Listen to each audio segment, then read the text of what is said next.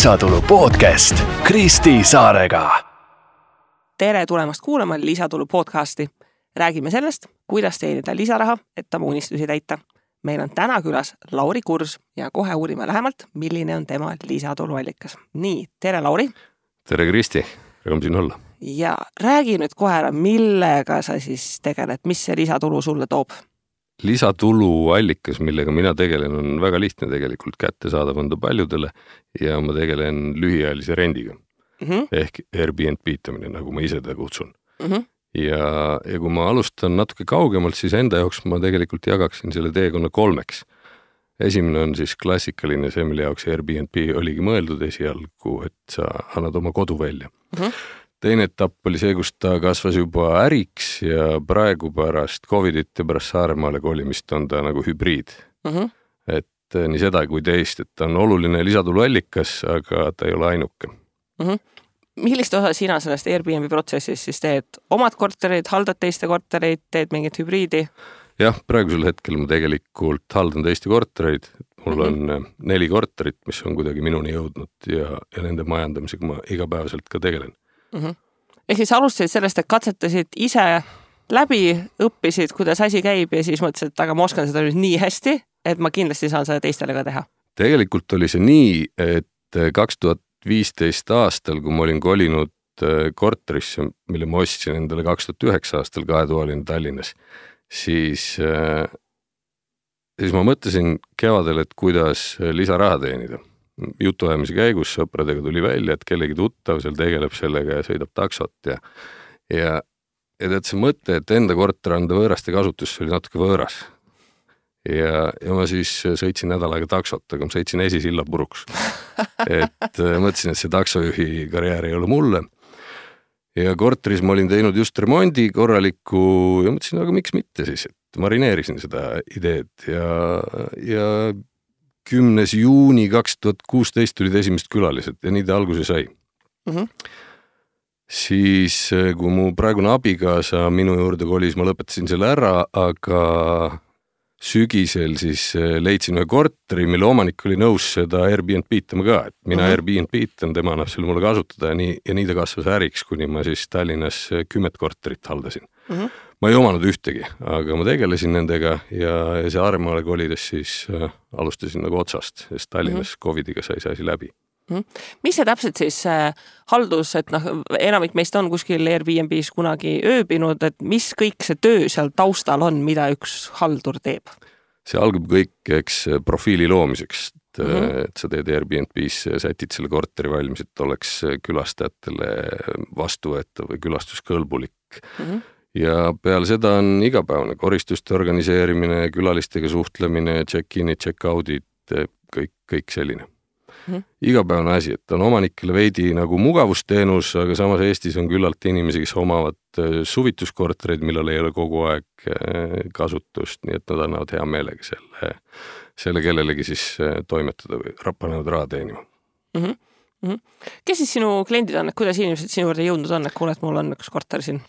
Klientideks on ähm, lastega pered valdavalt uh. Mhm. -huh. kui me mõtleme nüüd, kes on Airbnb ja Booking'u kasutajad uh, -huh. eks.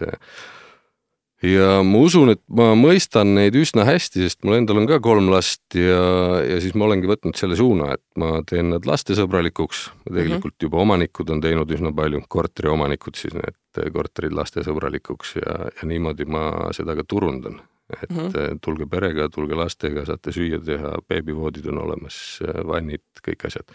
see on väga hea spetsiifiline nišš, sest et olles ise ka kahe lapsega siin-seal käinud, siis uude kohta minnes õudus, et kas ja kui lastesõbralik mingi koht on või kas nad saavad kuskilt midagi alla sikutada või ma ei tea, mida iganes teha, on selline asi, mis lapsevanemale kogu aeg kuskil kuklas tiksub, eks jah, on küll, me praegu tegelikult ise ööbime hotellis, et kui me tulime siia mõneks päevaks Tallinnasse, on väga lastesõbralik hotell, kõik on olemas, kaalusime ka, et kas võtame Airbnb, aga aga siis me läksime mugavuse peale välja ja lapsed tahtsid basseini ka, nii et nii et seekord murdsime Airbnb-le truudust, aga muidu kasutame ise kogu aeg. ja, ja variant on ka selles, et kõikides hotellides ei ole nii suuri tube, nagu meil on vaja, et siis on Airbnb lihtsalt mugavam jah, eriti kes kolme lapsega reisivad, siis äh, hotellis äh, ja spaas ja kuskile, kuhu iganes minnes läheb kohe väga-väga keeruliseks. nii on mm. -hmm. kui sa siis äh, noh, see, see halduri koha pealt, eks ju, see küsimus, mis meil on, et kuidas on konkurentsiga, et ma ei tea, on sul mingi ettekujutus, palju üldse on Eestis inimesi, kes seda haldusteenust pakuvad niimoodi või kas enamik Airbnb äh, inimesi nagu noh, investoreid, eks ju, korteriomanikke või enamik pusivad pigem ise? Sõltub, kui suurelt keegi on ette võtnud, et kui sul on kümme korterit, siis sa enam ise ei jõua mm. -hmm. et siis sa kas äh, majandad ise, eks ole, kas või ainult tellimusi või sa, või sa annad nad ära ja see äraandmine nagu haldurile mm. -hmm. see on, see on niivõrd palju mugavam lihtsalt omanikule ja ja kui palju neid Eestis on, ma jään vastuse võlgu, aga ma tean, et Kuressaares on Airbnb-s sada kuuskümmend kolm korterit, et et uh, kindlasti, kindlasti pooled tegutsevad ise mm, -hmm. majandavad ise oma korterit, aga, aga on ka nagu haldureid, mingid tuttavad autod, kus on IKEA kotid sees, eks ole, käterätikud paistavad välja, sõidavad ringlinna peal. on juba näha, et kes käib korterite vahel, jah? jah, täpselt. no eks ta kipub mingi selline mastaabitunnetus vist ka olema, et noh, et kui sul on üks korter, siis sa mõtled, et ah noh, mis see üks korteris on, eks ju, teen ära, aga kohe, kui juba natukene rohkem ja noh, eks Saaremaal on kindlasti see erisus ka, et noh, kõik, kõik Saaremaa Airbnb tatavate korterite omanikud ise ei ole sealsamas saare peal, eks ju jah, täpselt nii on ka kahe minu korteri puhul, et nad on pigem äh, suvituskorterid, inimesed on Saaremaa juurtega, mõnikord käivad, aga, aga tavaliselt korter seisab tühjana mm. -hmm. ja kaks korterit on, äh, on siis, inimesed on kohalikud, aga nad äh, käivad tööl ja mm -hmm. neil ei ole lihtsalt aega, sest see, sest see võtab päris palju aega. See kõige ajamahukam ongi vist kogu see check-in'ide, check-out'ide orgunn, et inimesed saabuvad, kes teab, mis iganes, kus kellaajal ja. seda annab nüüd automatiseerida, et ka minul on äh, võtmeid ma koha peal üle ei lähe andma, eks mm -hmm. ole, kas on elektroonilised lukud või on siis need võtmekapid, kust inimene saab ise, aga kõige ajamahukam on peale koristuse äh, inimeste erisoovidega tegelemine mm, -hmm. mida ei juhtu küll väga tihti, aga, aga ikkagi juhtub ja. Mis on kõige huvitavad erisoovid, mida siis küsitud on? Need on täiesti tavalised asjad tegelikult. see ei olegi tegelikult erisoov, aga kuna kõik ei ole nii nutiteadlikud, kui me võime mm -hmm. eeldada, et siis eh, kuidas televiisor tööle käib, eh, sellepärast inimesed tulevad oma vahenditega, võtavad sealt HDMI kaablid ära, panevad kuskile mujale, siis mm -hmm. ei tööta, siis eh, tehakse restarti, eks ole, ruuterile, siis sa pead seal minema neid password'e kuidagi seadistama mm. -hmm. et need asjad võtavad aega, need tulevad planeerimata ajal mm. -hmm. sõidavad sulle sisse, et sa keedad lapsele putru, eks ole, siis keegi helistab, et näed, wifi't ei ole, aga pean tööd tegema, siis sa tormad sinna okei okay,, selles suhtes ma siinkohal ütleks, et ma enda meelest olen suhteliselt selline okei okay, tehnoloogiline inimene, aga ma olen see aasta käinud igasugustes eri riikides Airbnb-des, siis ma olin suvel Prantsusmaal ja siis ma olin ka täiesti hädas seal mingi telekaga, ma olin mingi, tegelikult ka mul on tunne, et nagu ma olen mingi vale põlvkond, et ma ei suuda mingeid asju siin toimima saada. sest see tuleb välja, et isegi mingid väga baasasjad, sa võiks mõelda, et sa oskad mingit telekat ja mingeid asju igal pool kasutada ja tuleb välja, et ei, ei, see ei ole üldse nii lihtne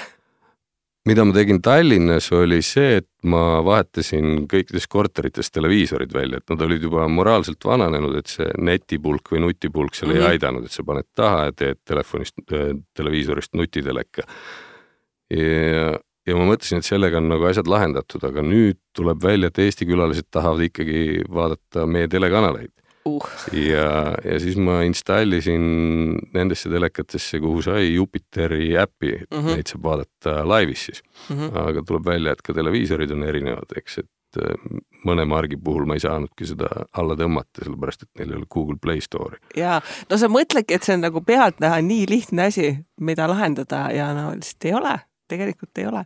ja siis see vaene omanik, kes kümne korteriga peaks ise välja mõtlema kõiki neid asju, eks ju jah, täpselt ja kui nüüd äh, Tallinna aegadest rääkides, siis äh, mis võtab aega, kui midagi läheb katki ja mm -hmm. sa pead organiseerima abi ja Tallinnas ma ise elasin juba Saaremaal, kui üks voodi läks keset ööd puruks voodi see tugitala ja siis ma mõtlesin, kuidas ma saan seda, et ma ei saa ühtegi sõpra ka keset ööd paluda ja helistasin toruabisse. ja toruabi oli nii vastutulek, et ta teadis, mis mul katki on, ütles mm -hmm. talle endal ka nii et ta saab kuskilt selle prussi, saab kuskilt mingid jalad, läks ja vahetas ära. ja ta jäi nagu heaks kontaktiks, et ta jäigi tegema pärast äh, neid asju mm, -hmm. mida ma ise ei saanud nagu füüsiliselt, puhtfüüsiliselt tulla tegema ja mis ei olnud ka tema nagu spetsialiteet, eks. tema mm -hmm. spetsialiteet olid torud, aga käis seal uksi avamas ja eks kui mingi aken oli katki seal eks sellest kipubki olema see, et üks osa sellest halduritööst ongi see, et sul on need kontaktid, kes tõesti mida iganes suudavadki nagu ära lahendada. ma olen mõne sellise Airbnb halduriga sattunud vestlema, et neid eripalveid on igasuguseid, mõni kirjutabki, et noh, et ala, no nii tore oleks, et kui saabudes oleks mingit kohalikku šokolaadi või mis iganes asju. Ja mõtle ka, et jah, et see on väike asi, aga kui selle iga kliendi pealt on see üks väike asi, siis kokku on väga palju aega, mis sinna tegelikult läheb, et need ära teha.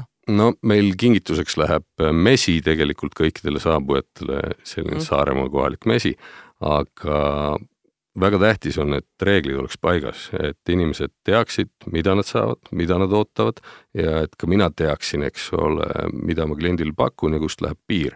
sest äh, asjad, mida me võtame võib-olla iseenesestmõistetavalt, mul on ka praegu siin tee juures sussid jalas. et äh, ma julgen arvata, enam kui pool maailma ei ole nagu selle kontseptsiooniga tuttav, et sa mm -hmm. siseruumides jalatsitega ei ole. see peab olema kirjas, et ära käi jalatsitega ära pidutse, öörahu käib siis, eks ole, ja niisugune markantne näide Saksamaalt või saksakeelsetest riikidest, ma olen lugenud, et öösel ei tohi tualetis vett lasta.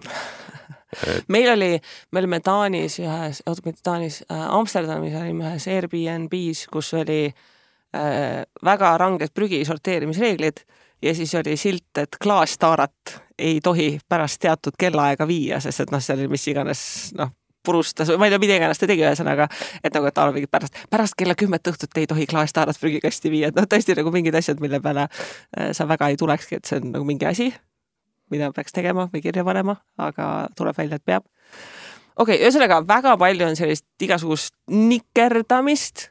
kuidas tekib sellisele teenusele hind?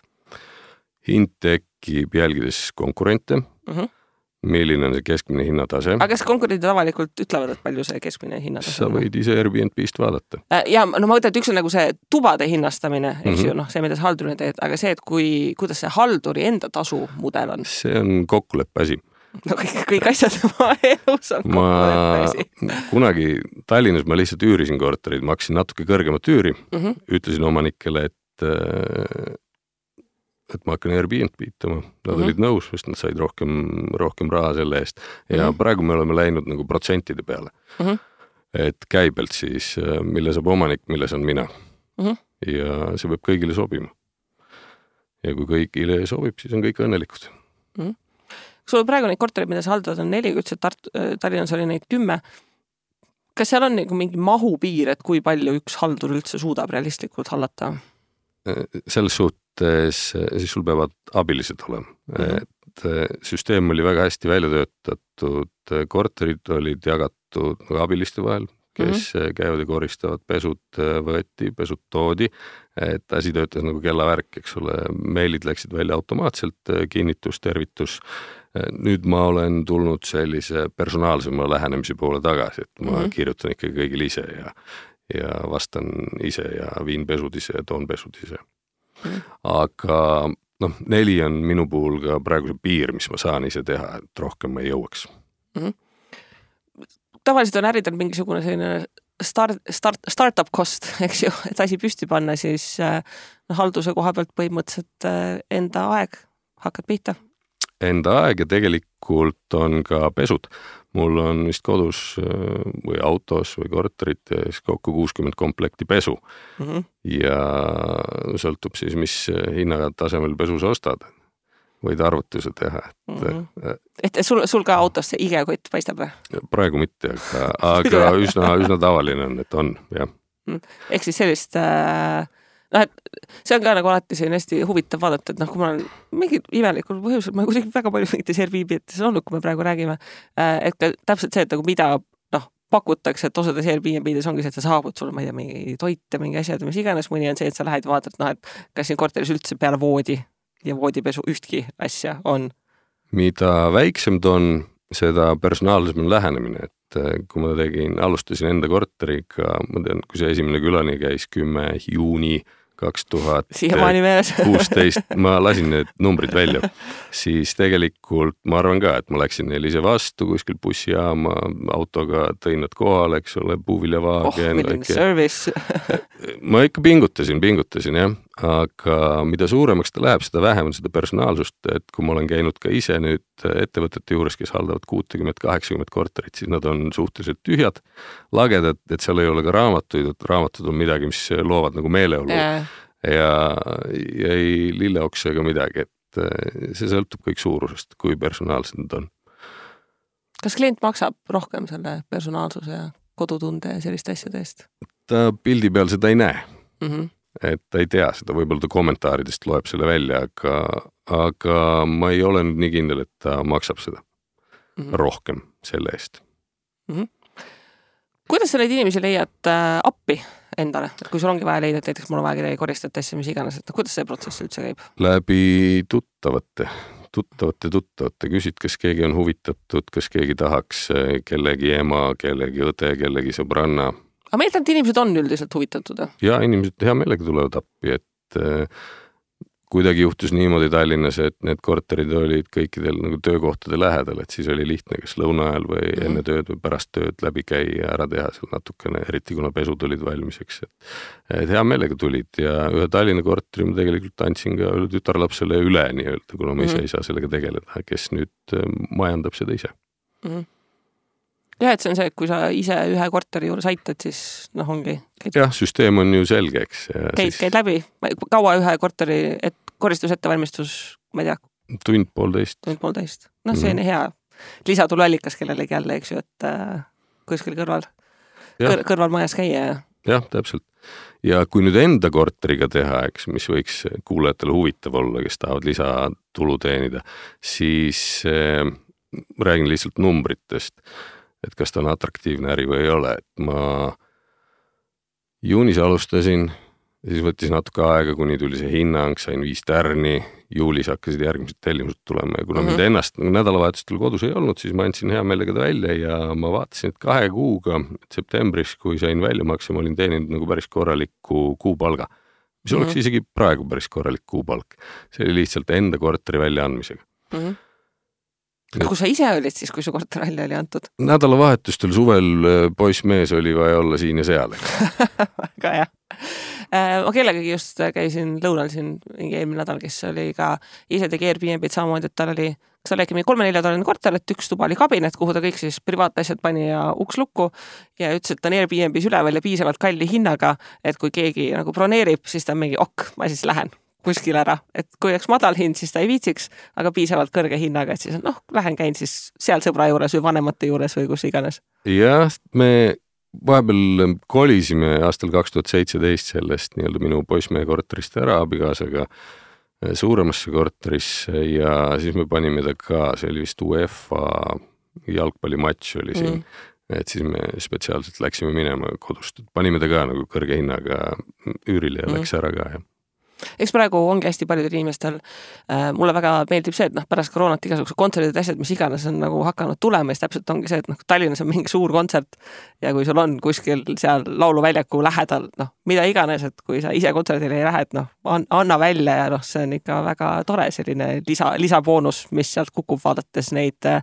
majutushindu, mis sellel hetkel on jah, see on mõistlik, et kui kontserdil on viiskümmend tuhat inimest, kes on valdavalt väljastpoolt eh, Tallinnat, siis eh, Tallinnas hotellitube vist, ma võin eksida, kas suurusjärk on viisteist tuhat. Hmm. ja need on, osad on nagu mitte kontserdikülastajate poolt niikuinii juba täidetud, eks ju? jah, täpselt, sest on suvi, turismi kõrghooaeg, jah, nii ta on, et siin on, siin on võimalus mm. kas sa ise oled ennast kogu aeg nagu tundnud, et ma olengi selline ettevõtja ja ettevõtja hing või pigem enamik elust selline rahulik palgatöötaja olnud?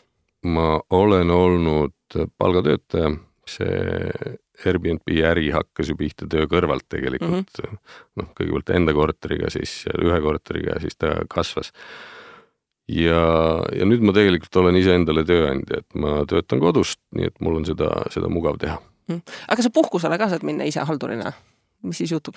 siis ma pean tegema sellise pika ettevalmistuse ja, ja tegelikult suvel ei saa puhata mm. -hmm saab sügisel, kui külalisi on vähem, siis tuleb äh, ettevalmistus teha, kõik kirja -hmm. panna, kus, kes, millal, kus on mm -hmm. pesud, kust mida võtta ja, aga saab hakkama. see on seda väärt. noh, plane-, selles nagu planeerimisoskust ma eeldan, et on aja jooksul tekkinud jah, seda peab tulema, kui logistika on tihtipeale keeruline. Kui sa teistele räägid, et sa oled Airbnb haldur, kas inimesed arvavad, et, ah, et see on mingi asi, mis ongi nagu tänapäeval juba levinud ja tavapärane või, või äh, pigem nagu, et oot-oot, mis, mis päris see selline on? mul on hotelli taust ja mm. ma olen pärit sellisest kenast suvituslinnast nagu Pärnu, eks mm ja Pärnus meil oli, kui ma olin laps, igas teises hoovis olid väikesed suvilad, kus mm -hmm. siis Peterburi juudid armastasid suvitamas käia. et see kontseptsioon ei ole võõras mm, -hmm. lihtsalt nüüd on ta pakitud kenamini. Nüüd on ta tehtud portaal, Airbnb, Booking. Eh, nii et see on, see on tegelikult minu tutvusringkonnas niisugune tavaline või business as usual. jah ja., täpselt. me tutvustuses ka mainisime Airbnb-d, aga sa oled Airbnb-d ja Booking ut mõlemat või ainult ühte? ma eelistaksin teha kõike läbi Airbnb, külalised kahjuks äh, armastavad booking ut. No booking us on kogu see mingi boonuste süsteem ja mis iganes yeah. ja booking on nagu see otsingumoodul on lihtsalt nagu niivõrd palju normaalsem. nüüd halduri koha pealt booking ut on niivõrd halvem. ja ei, ma ei, ma olen seda kuulnud ka hästi, et Booking'u kõik need, see, see mingi hinnaseadistused ja asjad, ma olen aru saanud, et seda on Airbnb-s ka oluliselt normaalsem teha vist kui Booking us seal on kõike lihtsam teha tegelikult, aga, aga noh, ma ei pea siin kiitma ühte või teist portaali, et, et toredad on mõlemad ja hakkama saab ka mõlemaga, aga, aga kasutajaliidise koha pealt on Airbnb lihtsam mm. -hmm. tellimusi peaaegu üheksakümmend protsenti tuleb booking ust praegu mm. -hmm jah, ma ise ka viimasel ajal booking kõik asjad booking ust ja kliendi vaatest on booking palju mugavam kui Airbnb, et seal on Airbnb jäänud nagu maha natukene mingil põhjusel ma ütlen nende kliendi toele edasi no vot, täpselt, eks nii, aga äh, ettevõtluse koha pealt ise, kas ise oled elus nagu ettevõtlust ka mingil kujul õppinud või lugenud mingeid raamatuid, käinud mõnel koolitusel või lihtsalt tulnud aja jooksul? jah, kui sa Äripäeva nüüd loed, eks Kristi Saare podcast'i kuulad või, või... Koge,. kogemata jääb külge noh, ta jääb külge ja ega see lisatulu teenimine ka, et nagu ise teate, paljud inimesed tegelevad sellega, et, et aja jooksul kasvab mm. -hmm. et hobist saab ettevõtlus ja kas ma olen õppinud, ma olen hotellimajandust õppinud mm, -hmm. aga. ehk siis erialateadmised on olemas? jah, ja ma tegelen tegelikult, minu see põhitöö ja leib on ka ettevõtlusega seotud, sest ma Eesti e-residentidega tegelen välismaalastest mm -hmm. ettevõtjatega ja aitan neil siis siin Eestis asju ajada mm. -hmm et ma olen, ma olen selle sees kogu aeg, et see on tulnud loomulikult mm. kas sul on mõni selline hea õppetund ka oma ettevõtlusteekonnalt, mis sa tahaksid anda teistele alustavatele ettevõtjatele kaasa? ja õppetunniks on kindlasti see, et äh, midagi ei tohi eeldada, midagi ei tohi loomulikuna võtta ja lepinguid tuleb lugeda nii, seal on mingi õppetund tulnud. see on, see oli minu jaoks päris valus õppetund tegelikult, et mul olid viis korterit renditud ühelt äh, firmalt mm -hmm. ja mul olid tähtajalised lepingud, mille ma pikendasin just aastaks ajaks kahe tuhande kahe tuhande, kahe tuhande kahekümnenda aasta alguses mm. -hmm ja kaks tuhat kakskümmend me olime just Tallinnas perega, saime korteri kätte, kui me hakkasime Saaremaale minema, ütles raadios, et nüüd praamiliiklus pannakse kinni ja, ja., ja kolm kuud kõik korterid seisid tühjana mm. -hmm. et tegelikult need äh, kõik kümme seisid tühjana, viiest ma sain nagu enam-vähem omanikuga kokkuleppele, aga selle ühega ei saanud, nii et, äh, et neid ma maksin nagu suuremat hobust. ma sain küll pikaajalised kliendid sinna sisse pärast, aga, aga, aga kolm kuud oli päris valus mm. -hmm. et peab olema valmis ootamatusteks? peab olema põhjalik mm. -hmm. no selles asjas nagu ma ei ole kindel, kas peale omaniku vastutuleku seal ei oleks midagi tegelikult päästnud, et kõik Airbnb tegijad said ikkagi seal kaks tuhat kakskümmend ikka lihtsalt väga kõva, väga kõva laksu turu poolt. jah, kõik sõltus sellest, eks, kuidas nad olid äh, oma äri üles ehitanud mm. -hmm. ehk siis sa nüüd äh,, kuidas sa sellist sama probleemi teist korda väldiksid? nagu ma ütlesin, et praegu meil on omanikega tehtud käibe pealt protsendid mm, -hmm. kokku lepitud et eh, kuidas ma väldiksin no,. no et riskijaotus paremini, et risk on mõlemale jaotunud.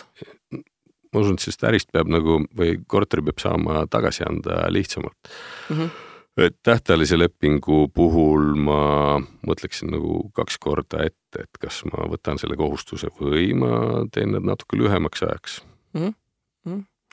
No õnneks ainult äh, kolm kuud tuli tühja maksta, oleks võinud ju palju hullem olla alati. Äh, ja ei, ma nägin neid Airbnb inimesi, neil oli kaks tuhat kakskümmend oli väga-väga nukker, aga tugevad tulid äh, välja ja tundub, et valdkond ikkagi meeldib, ei ole kuskile kadunud.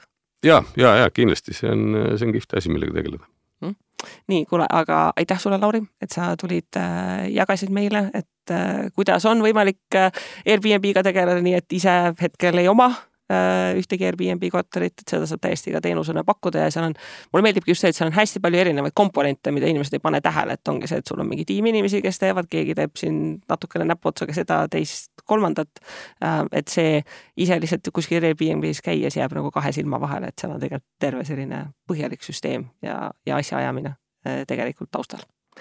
ja teiega, kuulajad, kohtume juba järgmisel korral järgmise põneva külalisega, kes jagab oma lisatuluallikat kohtumiseni.